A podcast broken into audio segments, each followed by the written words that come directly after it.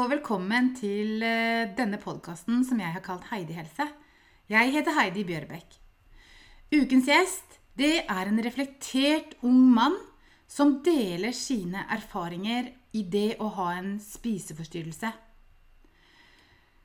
Moritz Michaelis forteller ærlig hvordan livet har vært, og han er modig og deler fra sitt liv. Og i tillegg så driver han også med dumpster diving. Så hvis du vil høre mer om dette, lytt til denne episoden.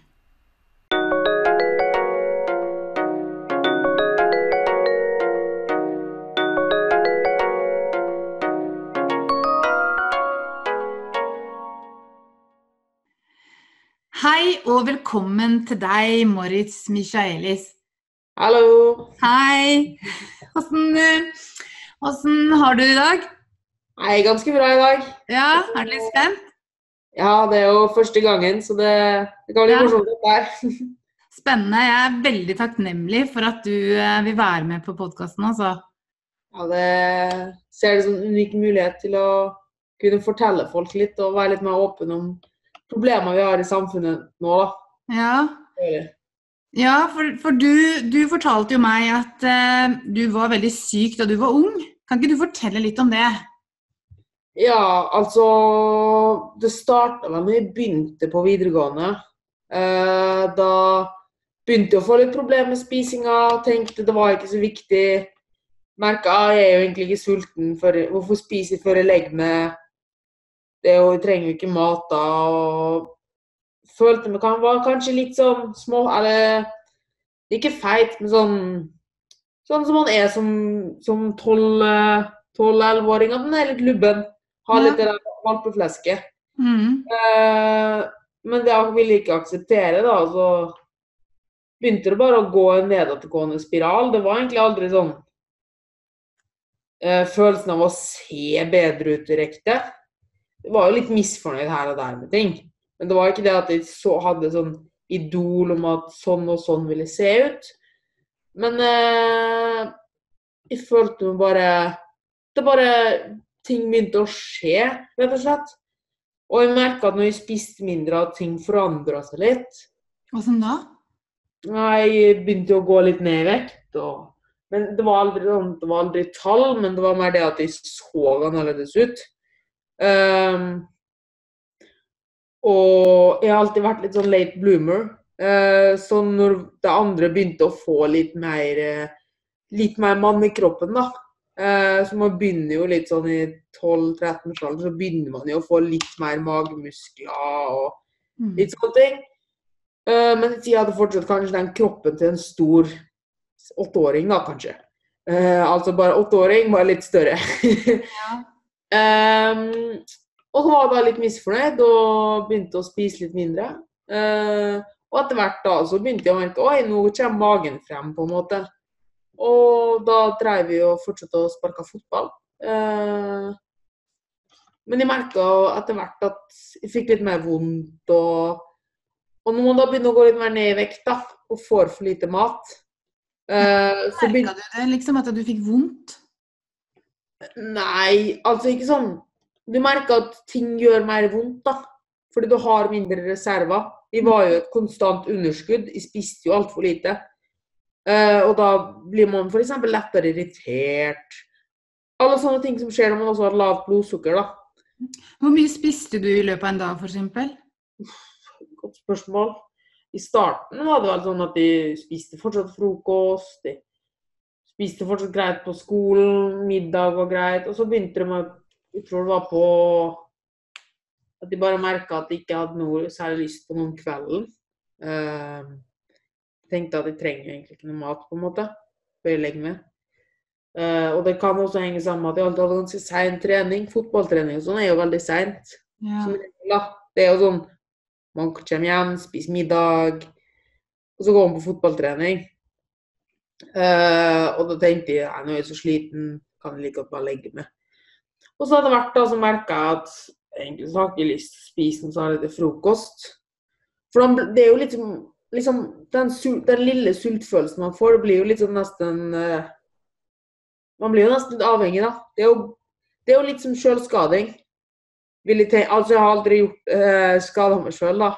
Jeg har heldigvis aldri gått inn i den, eh, den veien, da. Men eh, man påføres jo smerte, på en måte.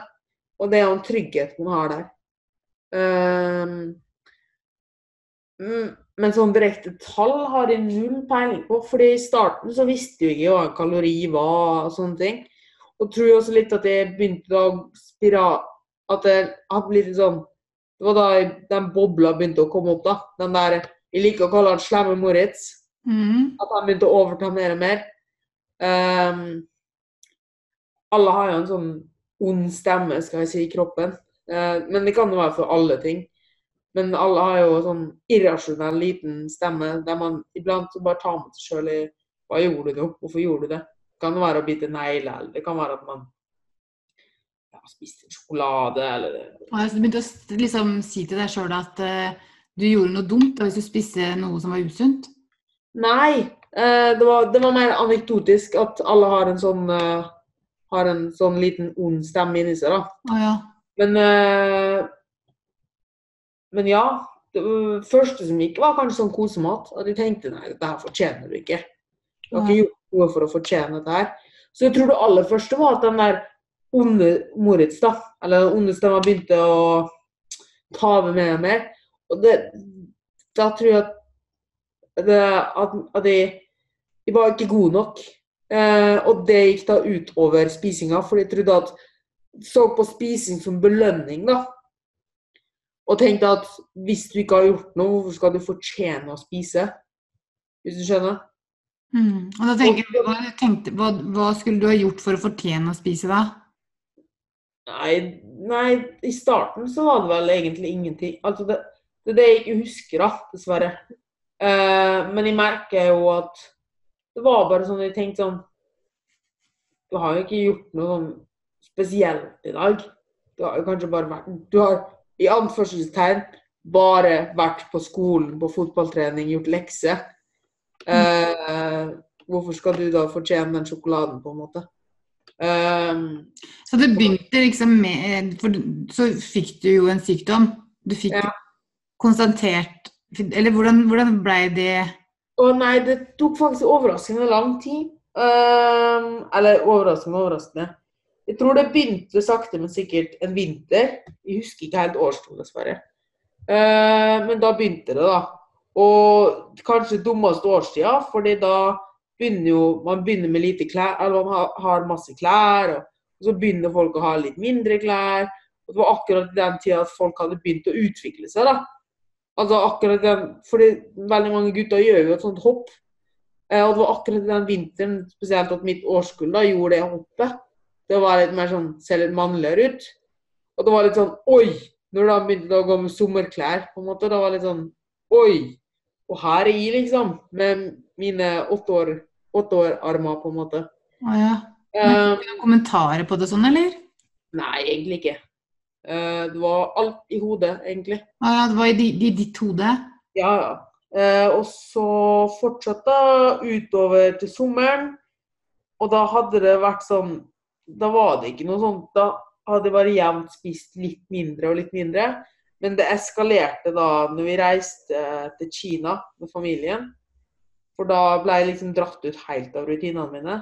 Eh, og vi, det var mye rar mat. og det var, det var rare måltidsfrekvenser. Det var utrolig varmt. Det gjør jo litt med appetitten, det òg. Var dere på ferie der, eller? Ja. Ja. Eh, en måned ish, tror jeg nesten. To, to uker er litt usikker. Og det var heller ikke så morsomt for meg, fordi det var en sånn organisert reise der vi hadde bomma litt. Fordi det var nesten Jeg var den eneste ungen der. Alle andre var pensjonister. Mm. Det var jo enda litt mer sånn Det eneste de kunne gjøre, var jo å sightseeing, trene og ikke spise, skulle jeg si. Ja. Um, og da begynte den nedgående spiralen. Da Da begynte det for fullt. fordi da var jeg såpass lavt i energiinntak og hadde så få reserver igjen at da begynte, begynte det å gå ordentlig utover eh, det mentale. da. Altså psyken. Mm. Fordi du kommer til et visst punkt der, ting ikke, der du ikke tenker rasjonelt lenger. Der du tenker at en, et eple har 10 000 kalorier. Eh, men kanskje hadde jeg visst om kalorier til det tidspunktet, så hadde jeg kanskje klart å være litt mer rasjonell. Mm. Men jeg gjorde jo ikke det. Jeg tenkte jo bare at all mat inneholder utrolig masse. Mm. Eh, Men var det sånn at foreldra dine merka noe, eller? Ja, de la jo merke til det i starten og sa jo at du skulle spise, og, men jeg fant jo alltid på gode unnskyldninger. Mm. Sånn, Nei, jeg føler meg dårlig, vil ikke bli med på buffeen.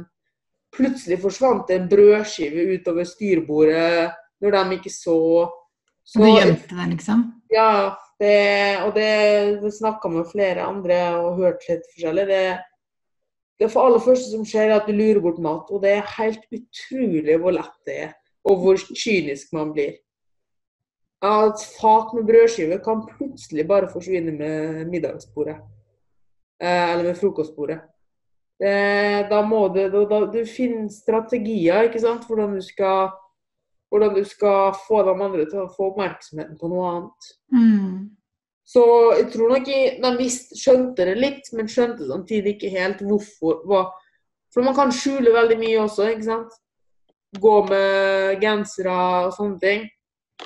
Jeg merka selvfølgelig at jeg ble litt mer sur og sånn, men det var også den perioden man er i puberteten, og jeg tror altså de ikke ville, ville realisere det helt, på en måte. At det var, alle løy jo litt på en måte til seg sjøl. og så når vi kom hjem igjen, da, så begynte jeg å gå en god del på fjellturer. Og det var da sånn at det fem, til sju Fordi da fikk jeg ikke lov å gå på fotballtrening lenger. Nei, for da var du for tynn til det. da, nei, da var, det, da var det foreldrene mine som sa at da, da, da hadde de begynt å legge merke til at nå, nå skjer det ting her. Nå, nå får du ikke lov å gå på fotballtrening lenger. Uh, fordi du rett og slett er for tynn. Hva, hva Eh, tenkte du da, da? Da ble jeg jo sur, selvfølgelig. Uh, og, men da sa jeg ja, men vi skal bare gå med en tur. Og det endte jo da med å gå og løpe fjellturer. Fant på unnskyldninger for å ta med venner. For å liksom si ja, men det er jo noe sosialt. Men egentlig så tenkte jeg bare på det å brenne kalorier, på en måte. Og da sa jeg ja, jeg har med niste og alt det der. Og så da var liksom helt syke niste. Du går liksom sju timer på fjellet, og så har du med to små brødskiver. Uh, og da spiste du kanskje bare halve brødskiva. Uh, og resten kaster du i elva eller noe sånt. Husker du hva du tenkte, liksom? Når du fikk du vondt Eller hva, hva tenkte du når du skulle spise? Det var liksom bare Jeg husker det nesten. Det, det var så ubeskrivelig følelse. Det bare gikk ikke, på en måte. Eh, og så tenkte, og så ble jeg meg gira. Det, ble, det er jo litt sånn Jeg tror det er litt sånn også når folk stjeler ting. Du får jo et adrenalinrush. Det blir jo gøy å prøve å lure bort mat. Eh, det er jo en grunn til at folk stjeler. Eh, så jeg tror det var litt det òg, da. Og tenkte, åh, Huh, klarer jeg nå å få rot, uh, gjemme neste brødskive? Å, nå klarte jeg å ta én brødskive. Klarer jeg å lure bort enda en? Mm. Og da går det i det ekstreme at du liksom sier For du forsyner det faktisk to-tre ganger. For å liksom vise at du klarer å lure bort enda mer, da. Og så tror alle Oi, han der spiser mye. Uh, så det, og da, eska, og da fjellturene gjorde at det eskalerte helt. Eh, og da enter, Da husker jeg at faren min Det er én ting jeg husker. Det er veldig mye man ikke husker, da. Altså tida Hvis du tenker tilbake på nå, tida fra vinteren til vi var i Kina, til da så fjellturene, det husker som en dag, liksom. Altså Det kjennes ut som det gikk en dag imellom der, hvis vi skal prøve å huske tilbake. Du er helt i en mental boble. Men klarte du å gå på skolen og fungere sosialt da, eller? Jeg gikk jo på skolen Det var jo sommerferien. Da det begynt å eskalere mer og mer. Ok. Eh, og så begynte jeg jo på skolen igjen etter sommeren, og da var jeg ekstremt lett irritert. Og altså ble jeg irritert for alt som var. Um, men det var, jeg husker at vi kom hjem fra en lang fjelltur, og da hadde det vært skikkelig kaldt, så jeg frøs som et helvete. Uh, oi, sorry for å banne. Vi frøs veldig mye, da, for jeg hadde jo så å si null fett på kroppen, og det hadde vært kaldt. Eh, Så jeg la meg, lov jeg la meg i badekaret og med varmt vann, og så hadde pappa lagd suppe til meg. Utrolig snilt av han. Jeg tenkte at nå, skal vi kose oss, men da det var en varm suppe, så det var null sjanse å liksom lure bort på noe som helst måte. Uh, og da det fikk begeret til å renne over, da, fordi faren hadde sannsynligvis hatt en del mistanker. Hadde snakka med en del folk. Han, han hadde noen eh, psykologvenner og sånn. Og det eskalerte. Da tok han meg bare med på sykehus. Det, da var det da var, nei, han, han tok meg med til fastlegen, da. Mm. Og fra der til sykehus. Og da ble jeg innlagt og tok pulsen min, og da var nesten under 30 slag i minuttet. Hvilepuls. Så det var liksom Det var alvorlig. Ja, ja. Så da fikk jeg sondemat en uke. Eh, Hvordan følte du det da? nei, det var jo Jeg husker Da var jeg helt i en sånn boble. Ja. det, det var Nei, jeg vet ikke.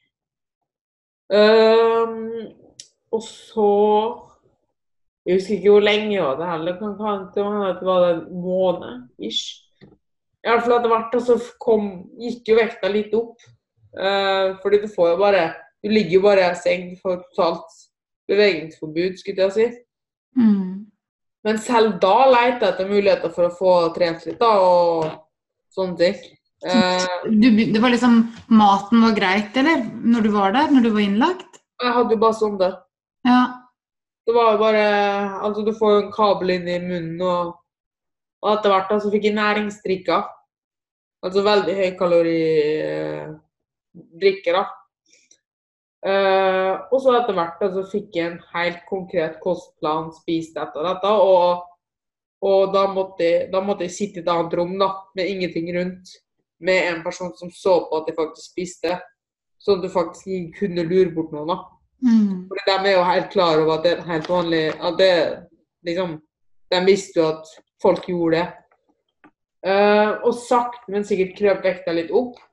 Uh, jeg fikk i hvert fall høyere puls, da. Eh, og da, da mente de at det var da, Og så kan det bare være så og så lenge på sykehus. Så da kom jeg inn på UPA, tror jeg det heter. da. Det er sånn psykologisk lukka avdeling, da. Psykologisk. Der du har et rom og noen som passer på konstant. Og... Men der er det jo mindre strengt igjen. Så da fant jeg jo igjen muligheter for å lure bort mat. Det å smugtrene. Eh, alle sånne ting. Og da var det da var smugtrening som at jeg lå på sofaen, f.eks. Lata som jeg lå på sofaen.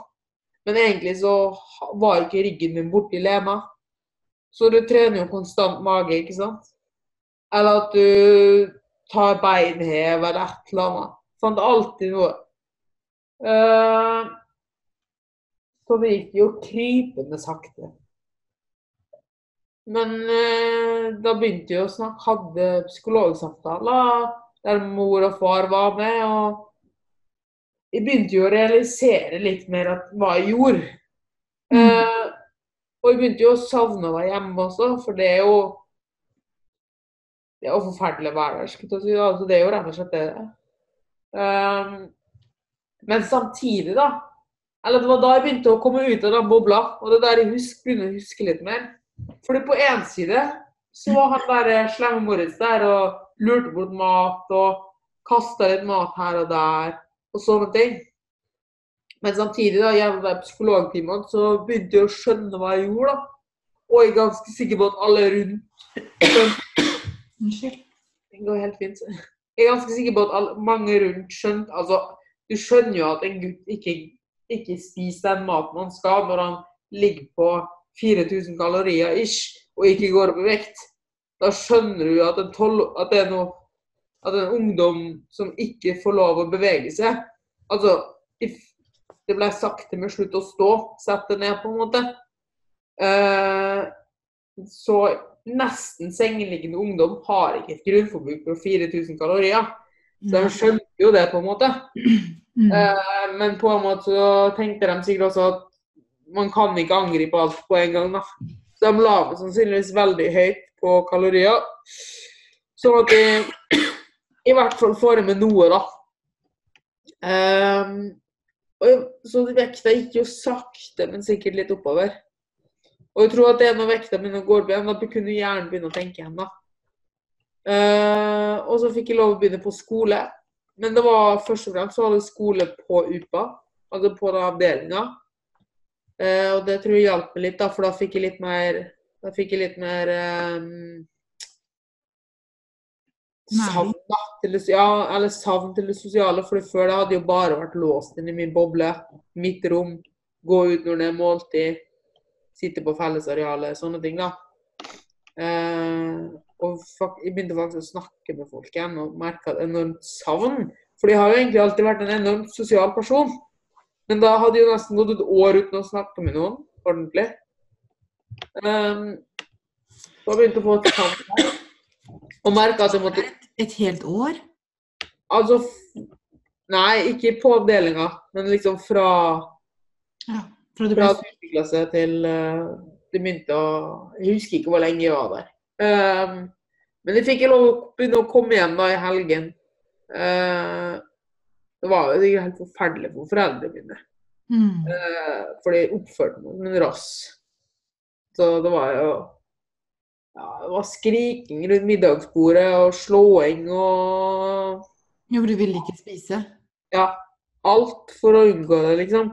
Og samtidig så merker jeg at hvis du blir sur og hisser meg opp litt ekstra, for jeg merker at pulsen gikk opp. Så det Mm. var litt som en trening, det òg, på en måte. Ja. Ehm, så Jeg husker ikke hvor lenge det varte, men etter hvert da så skjønte jeg at de måtte gjøre noe. Det gikk ikke an å jeg kan ikke fortsette sånn her, på en måte. Um, Men hva, hva sa hva, hva tenkte du når, du når du når legen og sånn fortalte deg at du hadde anoreksia? Uh, jeg husker ikke, rett og slett. Tenkte du at du var så syk, eller tenkte du at du egentlig var noe du bare skulle Du kunne klare videre? Ja, du, du har jo null fremtidsperspektiv. Du, du tenker ikke over det i det hele tatt. Eh, hadde du klart å tenke hva skal jeg gjøre om et år, liksom, så jo, skulle du jo egentlig trodd at du skulle slutta med en gang. ikke sant? Mm. Eh, men det er jo dessverre ikke sånn uh, vårt, kjære, vårt kjære hode funker. I hvert fall ikke i sånne situasjoner. Men uh, slepende Jeg vet ikke helt hva, hva det gjorde, eller hva som skjedde. Men i hvert fall da så klarte jeg å Jeg tror det var det at jeg klarte å komme opp til en viss vekt igjen. At hjernen hadde nok næring til å begynne å være litt mer rasjonell igjen. Mm. Eh, og sakte, men sikkert, da, så begynte ting å bli litt, litt bedre. Så jeg fikk lov å komme hjem og bo hjemme. Eh, men da fikk jeg kun lov å gå på skolen halve dagen, da. Fordi det hadde vært for mye belastning. Og, og det, det, det, det, blir jo litt flaut, på en måte, da, å måtte dra, bli henta med drosje. Og, for du får jo ikke lov å gå til og fra skolen. Og så når jeg var hjemme, så måtte pappa passe på meg. Han kom hjem fra jobb tidligere. Og jeg begynte å merke at det var ekstremt mye styr og kav rundt meg. da. Og begynte kanskje å switche den tanken litt med herregud. Det var fortsatt litt det der du er ikke flink nok, du er ikke bra nok. Men jeg Mm. tenkte litt mer sånn Herregud, se hva du gjør med folka rundt deg, da. Uh, du, du fortjener ikke all den omsorga her. Du sa det til deg sjøl? Ja. Uh, Så da tenkte jeg egentlig ikke så mye på hva jeg gjorde sjøl, men jeg merka hvor mye det tærte på folk rundt meg. Um, og det var da jeg tror jeg begynte å tønne litt mer. Og akkurat idet den kneipen kom, da, så hadde pappa funnet en utrolig god eh, psykolog i Molde. Så jeg begynte å gå til, det. Uh, dessverre husker jeg ikke navnet hennes akkurat nå stående fot. Uh, men det kan vi sikkert ha i eller noe. Men, uh, men i hvert fall så begynte jeg med henne, og hun var også flink. Eh, Kan du, kan du forklare hva hun gjorde som fikk deg til å snu, liksom? Hvordan du, hvordan du klarte det? Eller hva var det i deg som gjorde at du klarte å snu? Eh, jeg tror det var at hun, var mm, Hun var ganske ung.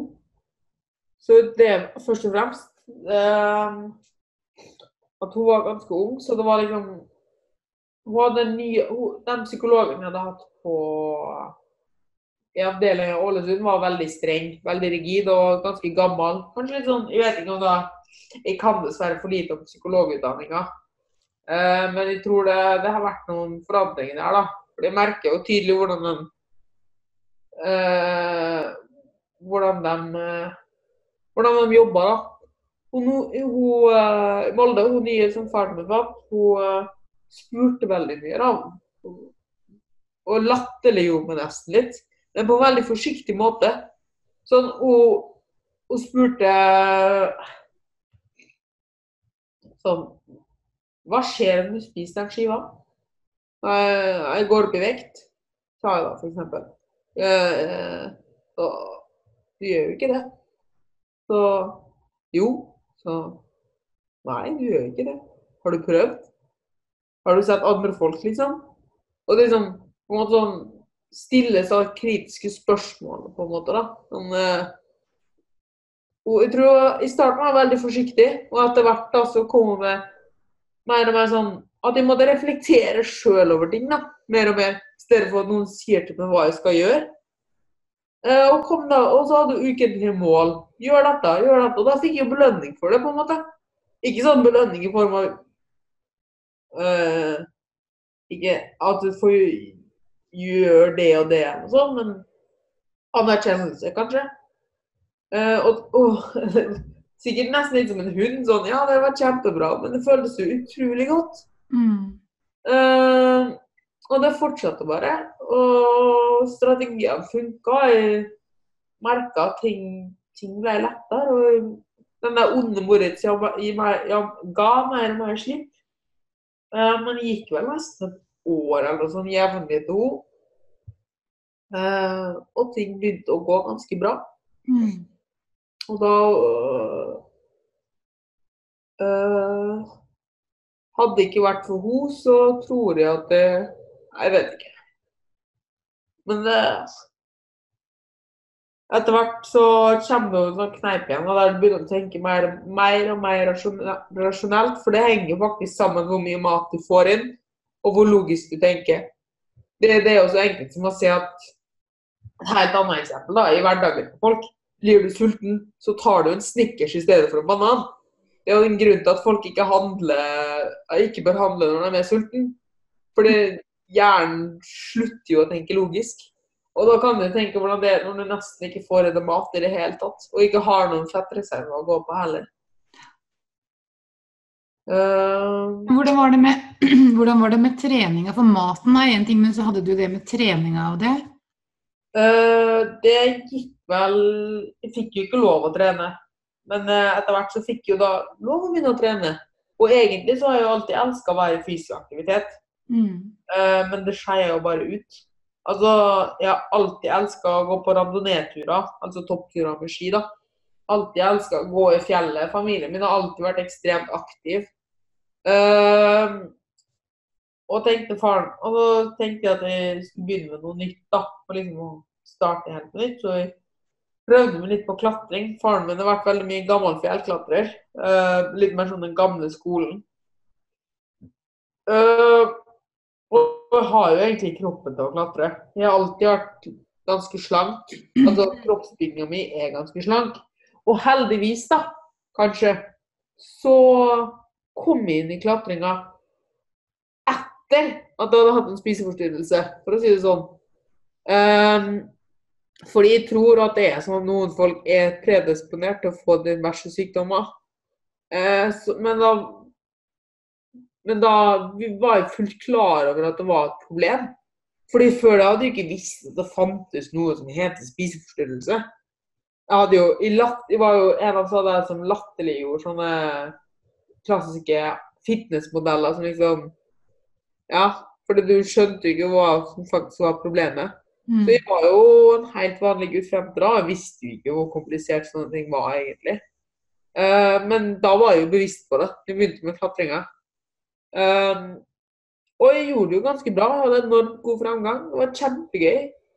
Uh, Møtte og... du, Var det noen andre der som du ble kjent med, og som, hadde, som skjønte hvordan du hadde det, eller?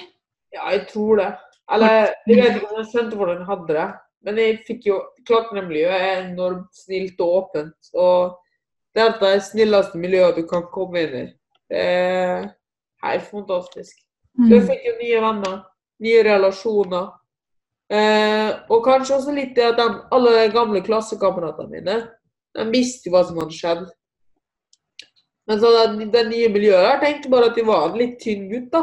Som hadde lyst til å drive med trening, klatre, og, og det var utrolig deilig. Mm.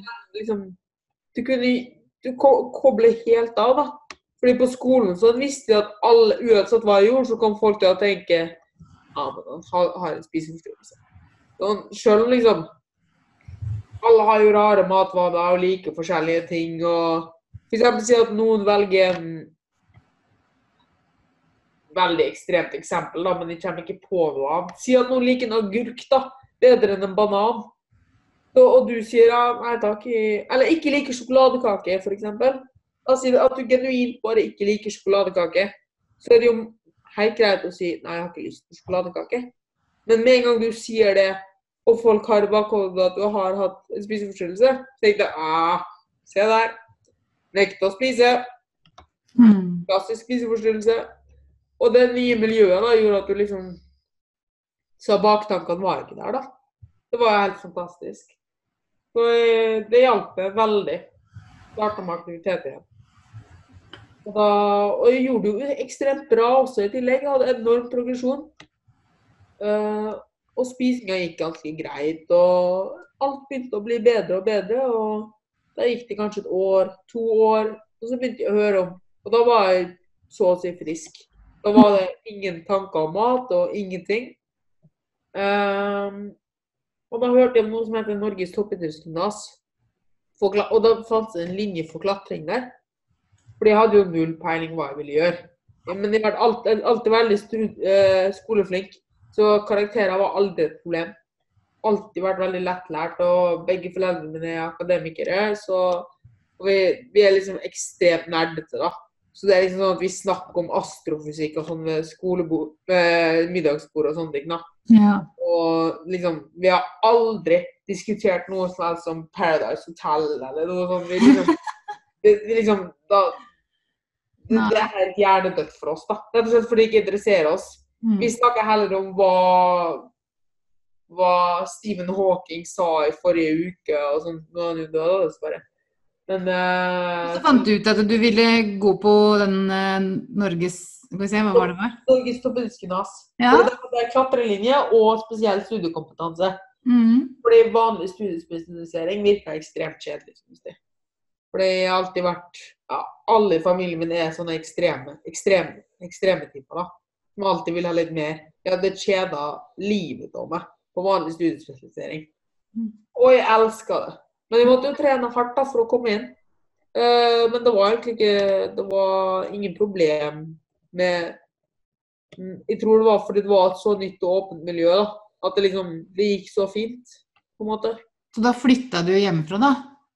Jeg flytta hjemmefra for å gå på videregående. Uh, men Hva, hva, hva tenkte foreldrene dine om det? Var de bekymra for deg, eller? Ja, jeg tror nok det. Men eh, de så jo at jeg hadde hatt det. De så jo hvor bra klatringa var for meg. da. Um, og men de sa til meg klart at de ikke ville at jeg skulle bo alene. Så jeg flytta jo på kollektiv, eller sammen med en annen, med en annen klatrer da, som starta. Uh, og vi kom utrolig godt overens. Det var liksom det var love at first sight, skulle jeg si. Det var helt fantastisk i starten. Eh, første året, andre året. Og så vet jeg ikke hva som skjedde, men eh, det gikk jo to år. Helt fantastisk. Altså, jeg vil si det har vært Vi hadde det så gøy sammen hele tida. Mm. Ehm, men etter hvert, da, siste året, så gikk den gnisten for klatringa litt bort. Oh, ja. Jeg ble rett og slett litt lei, da. Uh, litt fordi jeg hadde en god del skader, uh, dessverre.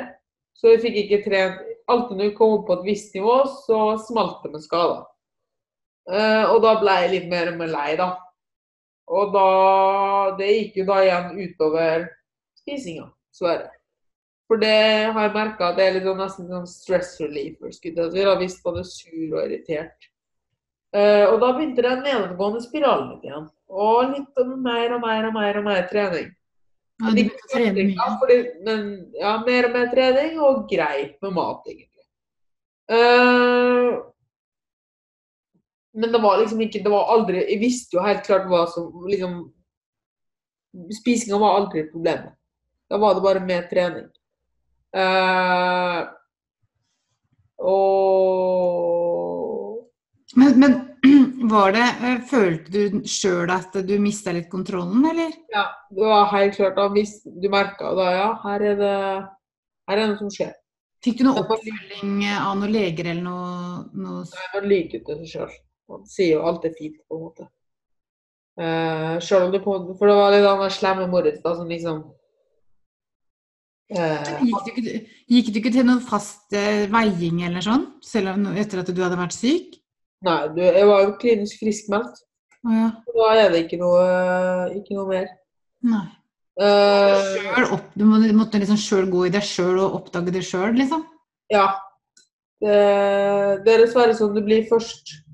For sånne ting så blir du først tvunget, da, til å si det sånn. Uh, når det er helsesk... Når, det når livet står på spill. Mm.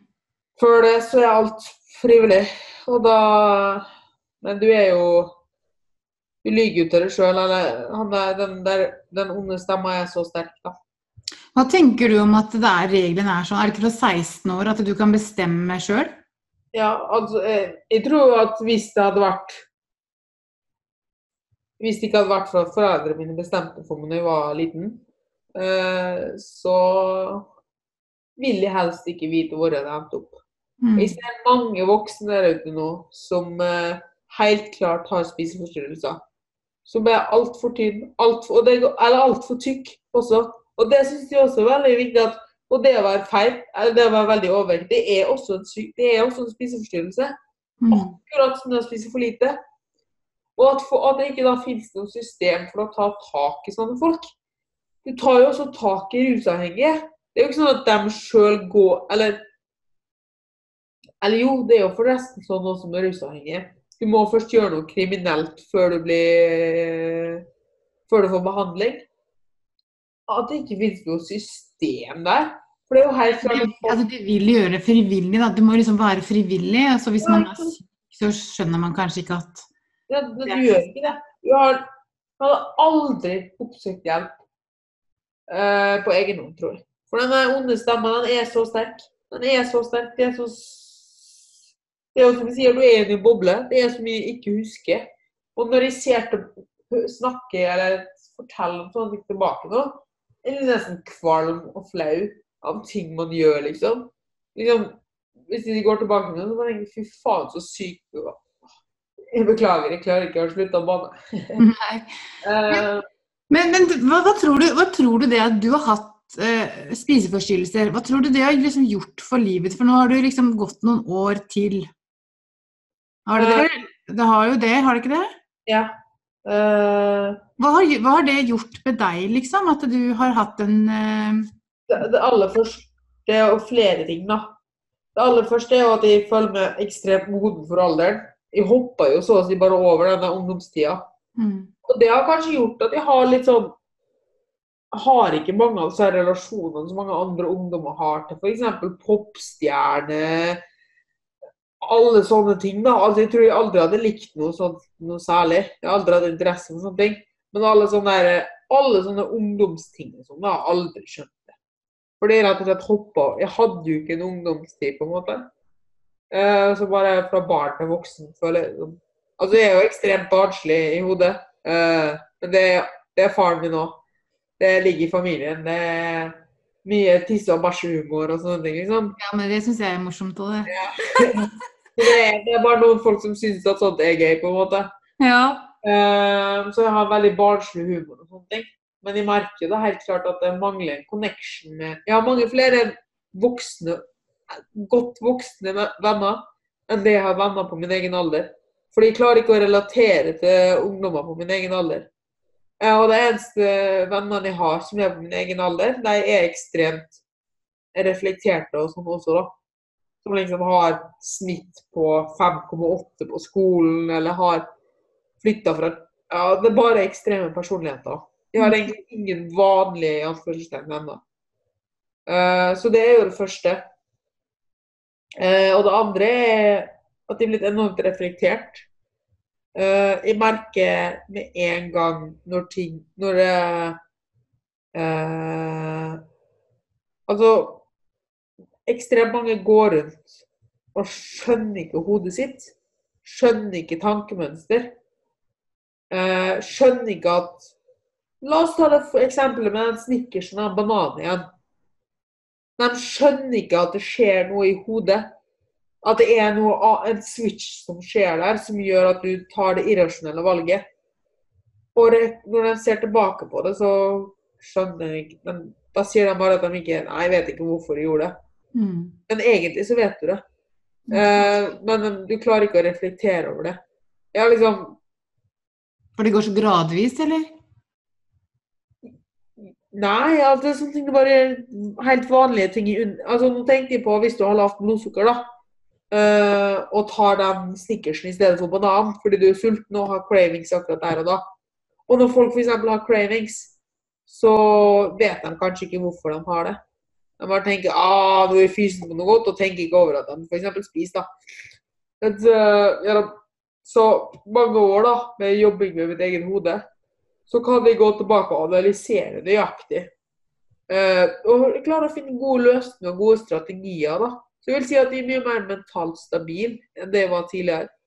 Og selv om jeg fortsatt er sur iblant, alle er sur iblant, alle er irritert iblant, fortsatt har jeg noen tvangstanker jeg sliter med, så vet jeg nøyaktig hvorfor og hva som er grunnen, og jeg kan skille mellom hva som er en tvangstanke, f.eks., og hva som er en vanlig tanke. Altså for liksom Du kan forestille deg Jeg vet ikke om du har spilt eh, Eller veldig mange har sikkert spilt dataspill der man starter eh, og man har et kart. Og man kun, kan kun se de områdene man har vært, da. Og alt annet er svart.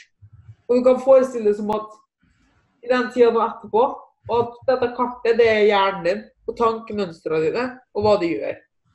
Uh, og veldig mange har da, hvis du begynner å spille det spillet, så har du noen sånne striper på det kartet med områder du har vært i og forska på og sett. Så du har noen deler av det kartet du ser.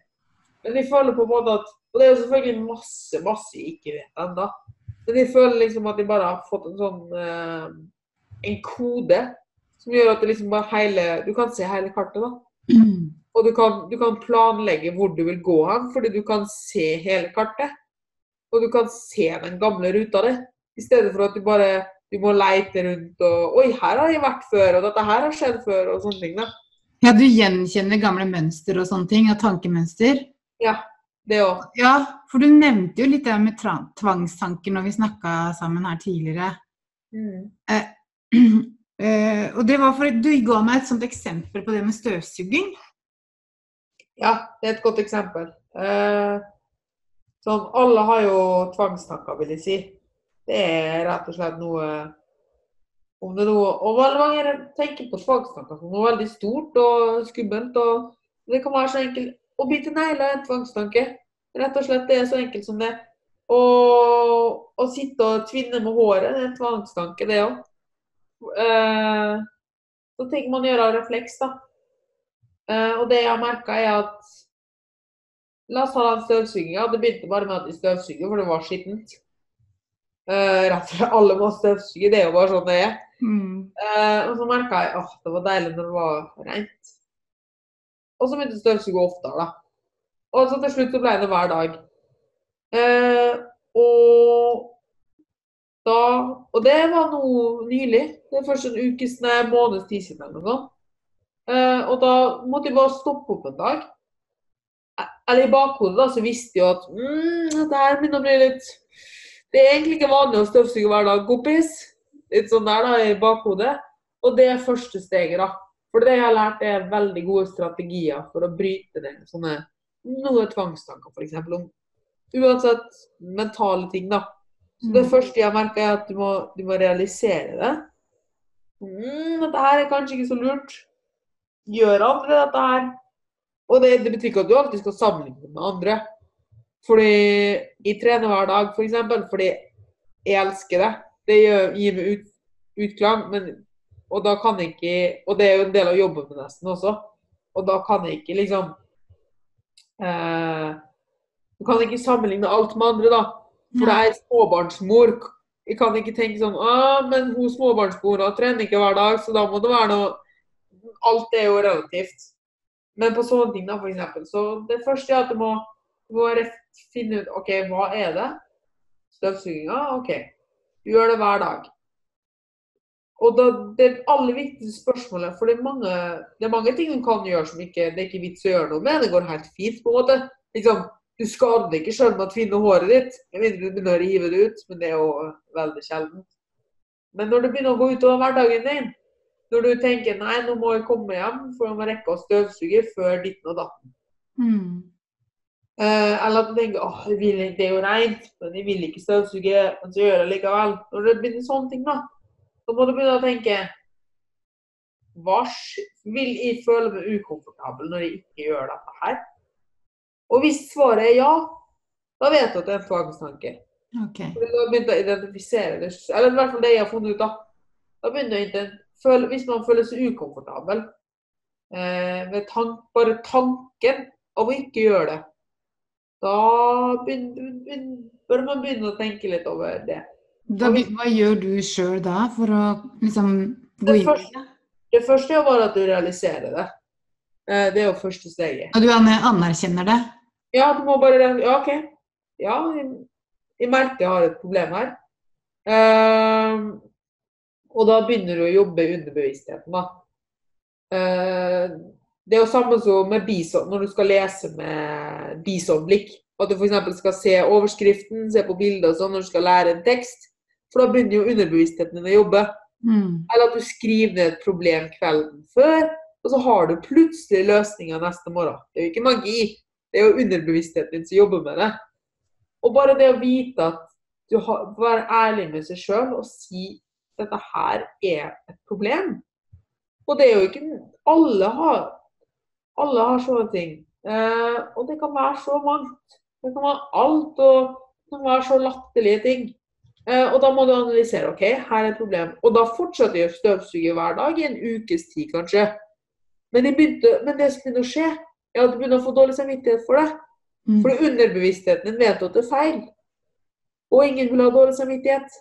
Så etter hvert så er den underbevisstheten, den dårlige samvittigheten, så sterk og at du begynner å merke Du vil jo ikke gå rundt med konstant dårlig samvittighet. Men når du da begynner å få dårlig samvittighet når du støvsuger, kan du bruke det som eh, kan du bruke det som verktøy for å bare si stopp, slutt. Og så er det så enormt deilig. Fordi egentlig, hvis du skulle slutta med en tvangstanke, så ville det være ubehagelig. Men det at du har jobba med det i underbevisstheten og begynt å jobbe opp dårlig samvittighet hver gang du gjør det, gjør jo at det blir deilig å slutte med det. Mm. Eh, og det er en strategi som funker veldig godt for meg. da. Men det, men det aller første er jo alltid at du må bare realisere at du at du, at du gjør noe da, som du Mm. kanskje er fornøyd med. Ja. Hvordan er det med mat og sånn nå, liksom? Har du, tenker du på det nå?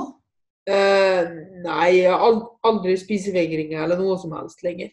Men eh, det jeg har merka, som vi var inne på tidligere, så hvis de er stressa, så går det utover maten og treningen. Mm. Eh, og hadde det ikke vært for eh, at det for litt siden kom over Eller det er så, så tidlig som se, seks måneder siden. Så da kom vi over en podkast som heter Ben Cuber Radio. Eh, der han snakka veldig mye om det å være ærlig med seg sjøl og analysere handlingene sine. Mm. Eh, og hadde det ikke vært for han, så kan det godt hende at det hadde sklidd i en ny sånn dårlig fase. Eh, men jeg begynte å høre på han, og han snakka så enormt mye om mental helse, og det å være ærlig med seg sjøl. Og bare være den beste versjonen av deg sjøl. Og da begynte jeg mer og mer å analysere ting. Eh, og merka ja, OK, når jeg er stressa, så spiser jeg og trener mer. Så da må jeg ha Jeg må rett og slett ha regler på det. Eh, hvis ikke så kan ting gå skeis. Mm. Eh, så da bare bestemte jeg meg du skal spise For å gjøre det enklest mulig for meg, og da vet jeg helt klart jeg har et forstyrra forhold til mat. Det går det ikke utover uansett hva du gjør, fordi en så Det går ikke uskada utover en sånn periode. Og jeg vet jo næringsinnholdet på nesten alt jeg spiser. Altså, eller bokstavelig talt alt jeg spiser. Du kan gi meg matvarer, jeg kan si det nøyaktig hva som er i denne matvaren Ja, du studerte. av kalorier. Ja. Det du en app, eller? Ja, så det jeg bestemte meg for, da, var at uh, OK, da kan du like godt bruke denne kunnskapen og sikre deg at du vet hva du får i deg. Uh, og bare regne ut hvor mye mat trenger du. Og dette her skal du spise. For da, da slipper du å tenke over det, rett og slett. Mm. Uh, og etter hvert så blir det til en vane, og det, det går veldig fint. Og det, du slipper å tenke på det i det hele tatt. Så du, du, legger inn, du legger inn alt du spiser inn i den appen? Ja. Uh, Jeg gjør jo det, jeg også. ja, ikke sant? Og det er, mange, og, og det er jo fantastisk måte å vite hva man får i seg på. Helt, og uansett om vi er ned eller oppvekt, eller bare holde vekta di. Sant? ja, men ikke sant? Jeg gjør det for at jeg skal gå ned i vekt, fordi at jeg har vært overvektig i mange år. Mm. Og? Og da, jeg må jo vite at jeg må ikke spise mer enn en det for å kunne gå ned i vekt, mens du gjør det kanskje ak akkurat nå så jobber vi med å gå opp i vekt, da. Med Ja. å bygge muskler. For, eh, fordi, og, men jeg syns nesten det bør være en del av, av grunnskole. Å bare lære seg hva maten inneholder, og skape en bevissthet rundt mat. Akkurat sånn som du lærer matematikk og norsk. Fordi hadde, de, hadde de visst om hva man faktisk trenger av mat og næring, så hadde de sannsynligvis aldri blitt anorektiker. Okay. Eh, fordi da hadde de visst helt klart det er fysiske lover som sier at du må spise så mye for å gå opp eller ned i vekt. Det er ikke noe magisk med det. Det eplet vil inneholde like mye kalorier uansett hvor ofte du snur og vender på det. Mm. Eh, og uansett hvilke hormoner som spiller i kroppen, så vil det eplet inneholde like mye kalorier. Eh, så da og, det, og bare det å realisere det, da, gjør at du får mye mer bevissthet rundt mat. Ja. Og det å trekke mat gjør at Å ja, se her. Jeg får med alt jeg trenger. Eller sånn et lite eksempel, da. Ja, OK. Se der, ja. Den fløta i kaffen var kanskje ikke så lurt. Ja, Eh, kutt ut, kutt ut alt det der usunne. ja, ikke sant? Ja. Uh, og jeg begynte å strukturere treninga mi mer og mer, og skjønte at OK, du må trene mindre, gjøre sånn og sånn. Og, og nå har jeg bare Jeg føler alle sliter med ting. Jeg sliter også med ting, men det største tingen er at jeg er ærlig- 100 ærlig med meg sjøl. Og det er det som er det viktigste. Alt går alltid ned til det å være ærlig med seg sjøl. Fordi det aller første er er å anerkjenne at du har et problem. At det er noe du vil jobbe med.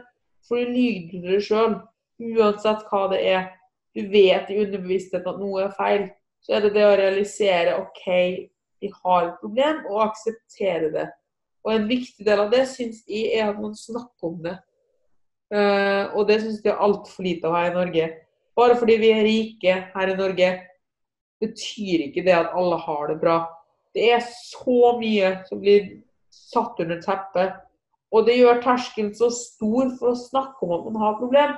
Fordi når man ser rundt, så ser det ut som alle andre har det så perfekt og har det så bra. Men det er jo ikke sånn.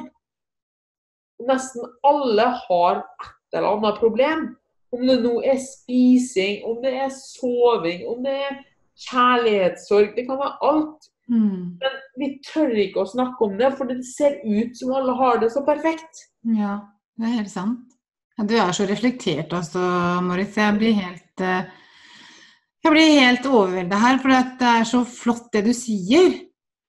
Og så og, så, og du har jo også valgt å liksom eh, skape en liten jobb eh, ut av det her òg, du. Ja, fordi jeg merka jo rett og slett at at folk må ha noen å snakke med. Eh, og da han Ben Cuber Radio, da, eller han er personlig trener, og ble ekstremt eh, imponert over det han gjorde, og ble veldig inspirert. Så jeg valgte da å bli personlig trener og kostholdsveileder. Eh, og selv om det er litt stigma rundt den utdanninga, så er det veldig mye om hva man gjør ut av det sjøl. Mm. Fordi utdanninga er bare noe som står på papir. Det er en akademisk ting man må ha for å sikre seg en viss ting. Men det aller beste innen helse, kosthold, trening, vitenskap, eh, forfattere Akademisk utdanning har så liksom Ja, det må til til en viss grad. Men du kan ikke dømme en person på Det er liksom hva gjør du ut av det du har? Mm. Det er viktig. Så da bestemte vi for å ta personlig trenerutdanninga. Og jeg har lært masse gjennom den, og gjennom kostholdsveiledninga. Som igjen har hjulpet meg veldig, spesielt på treningsbiten. For da kan jeg analysere hva som er normalt, og hva som blir for mye, f.eks. Eh, og sammen med spising har jeg lært meg mer om det, hva som er bra, hva som er dårlig. Og, og ikke bare kalorier, men også innhold, hva som er god og dårlig mat. Og gjennom den utdanninga så klarte jeg å reflektere mer og mer og sette mer og mer. fordi når du har kunnskap om ting, så klarer du også å reflektere bedre rundt det. Eh, Det er jo sånn før i tida, folk fant på guder for de ikke skjønte hvorfor sola gikk opp og ned. Ja. Eh, og, hvis skjønner, og hvis du ikke vet hvorfor du går opp i vekt, eh, så kan du bli lurt av alt. Eller hvis du ikke vet hvorfor du går ned i vekt, så kan du jo Hvis du ikke har kunnskap om det, så Det er nettopp derfor sånne idiotiske ting som eh, jojo-slanking, The Biggest Loser, alle forskjellige fatburner-piller og alt det der, fordi folk vet ikke hva som er grunnen til at de går opp og ned i vekt. Og jeg, blir så, ble så irritert av å se det, og se så mange slite. Så jeg bestemte meg da for å ta den utdanninga og prøve å lære og hjelpe folk mest mulig, da. Eh, Og jeg har fortsatt masse å lære, og jeg lærer hver dag. Men jeg får så mye igjen av å hjelpe andre. Og bare snakke, være der for dem og snakke med dem. Og bruke trening som en måte å få ut frustrasjon, få mestring.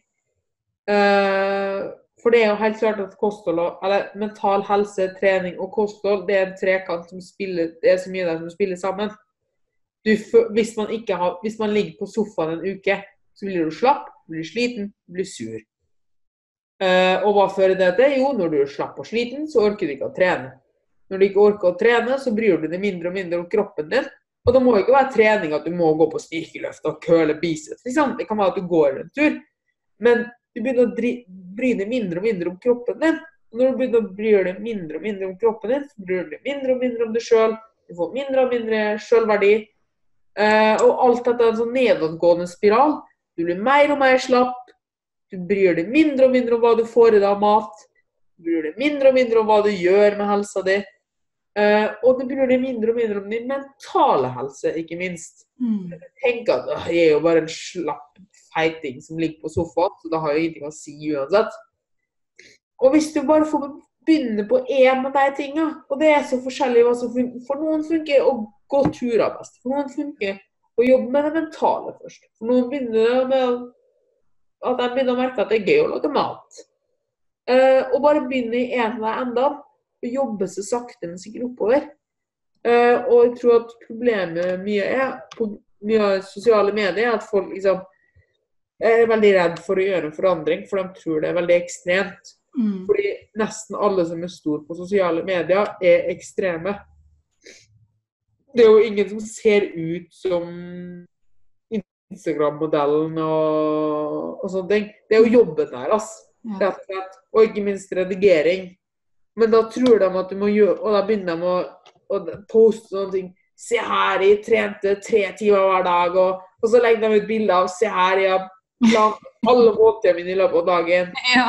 Og da tenker de sånn, og da tenker folk da, spesielt at hvis du er litt chubby da, eller hvis du er litt overvektig og tenker ok, kanskje jeg bør gjøre noe, og så går du inn på eksempel Instagram, og så ser du hva, hva en sånn ekstrem gjør da. Så tenker du, nei, vet du hva, dette her orker jeg faktisk ikke. Da er jeg heller litt feit, rett og slett. Det er sant. Men du, vet du hva? Jeg har også hørt at du driver med noe annet som heter dumps dumpster diving. Ja, det Kan du forklare bare sånn kort hva det er? Jeg er også veldig mye inne i miljøet, da. Eh, og siden jeg prioriterer mest å prøve å hjelpe mest mulig folk og har litt sånn penger på sida, da, så har jeg merka at jeg måtte spare litt penger her og der. Og siden jeg har vært veldig miljøbevisst hele livet mitt, og hele familien min er det, så begynte jeg å gå litt mer og mer inn i dumpsterdiving. Og det går rett og slett ut på at butikker kaster ekstremt mye mat. Så mye mat som er god på Som fortsatt er god på å spise. Bare fordi agurken din ikke er 100% bein, så betyr ikke det at du må kaste den. eller bare fordi melka har gått ut på dato, så må du ikke kaste den. Men alt det der blir kasta. Og da er det en populær trend, spesielt hos ungdommer. Eh, og at du bare rett og slett går i konteinerne og henter ut maten som, som har blitt kasta. Og på den måten så har jeg nå i 2019 hatt et matbudsjett på Frem til nå har jeg brukt 1000 kroner på mat. Og jeg spiser 4000 kalorier per dag. Og alt er henta ut fra søppelbøtter, nesten. Det eneste jeg har kjøpt, er egg og melk. Ja. Hva, hva, sier, hva, hva, sier, de her kjøpmennene, for det er vel egentlig de som eier den, søppel, den søppelkassa? Ja, må, det er alltid greit å få avklart det. Og jeg har også blitt tatt med politiet, og sånn, og de spør hva gjør du? Og så sier nei, dumpster driver. Og så noen vet hva det er, og noen vet ikke hva det er. Og så å si alle syns det er greit, så lenge du rydder opp etter det. For det du gjør, er jo det, Og det er veldig viktig at du rydder opp etter det. det er, og hvis noe er låst Det er to veldig viktige regler med dumpster driver. Eller tre. Ta kun det du trenger. Eh, det er ikke vits å begynne å hamstre opp fullt av ting. Altså hvis de, fordi det er jo ofte store partier som blir kasta. Så iblant så blir det kasta 50 skinkepakker. Du klarer ikke å spise opp alle de 50 skinkepakkene, så ta det du trenger, og tips heller en venn. Det er første regelen. Andre regelen er rydd alltid opp etter det. Uh, og helst litt mer i tillegg. For du gjør jo faktisk noe for miljøet. Så ofte så når du dømmer deg, så rydder du faktisk også litt ekstra rundt det. Og det tredje, hvis noe er låst, så er det låst av en grunn, men at det var låst. Ja, det var, det var tre gode, veldig gode regler, syns jeg. Ja. Veldig bra. Eh, men så lenge noe er åpent, og det, det, ser greit ut Og hvis noen, sier at det ikke, hvis noen sier at det ikke er greit, så er det ikke greit. Punktum. Ja, da går du ikke dit. Nei. Eh, for det er jo litt som jeg liker å sammenligne hvis du har sånn stand med smaksprøve.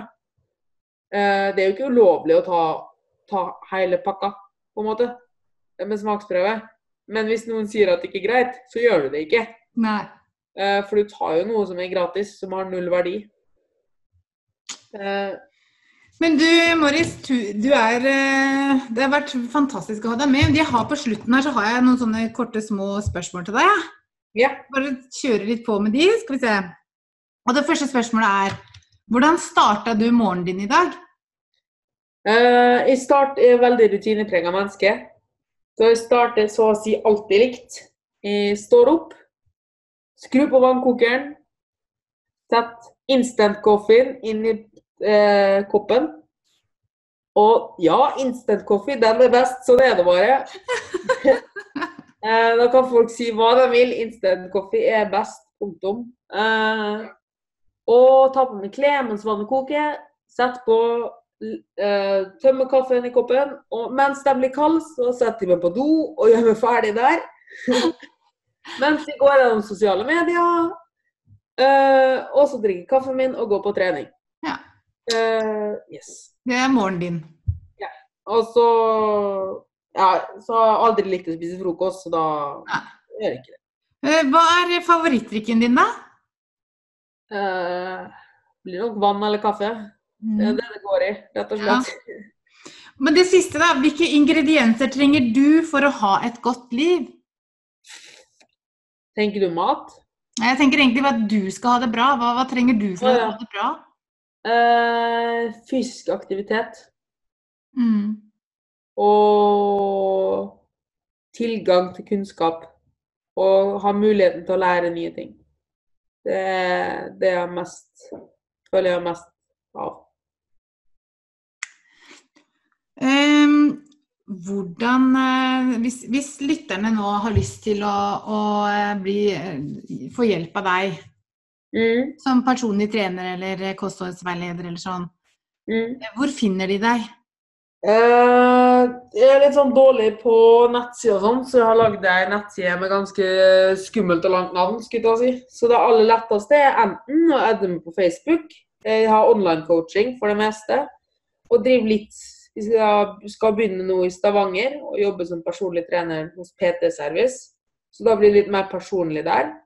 Men ellers så gjør jeg det meste nettbasert. Eh, og da er det enklest å komme i kontakt med meg på enten Facebook, Moritz Michaelis, eller på Instagram mini al, eh, understrek alfa progression. Der legger jeg også ut daglige videoer eh, med kunnskap, eller med små snacks om trening, kosthold og alt som skal være, og mental helse.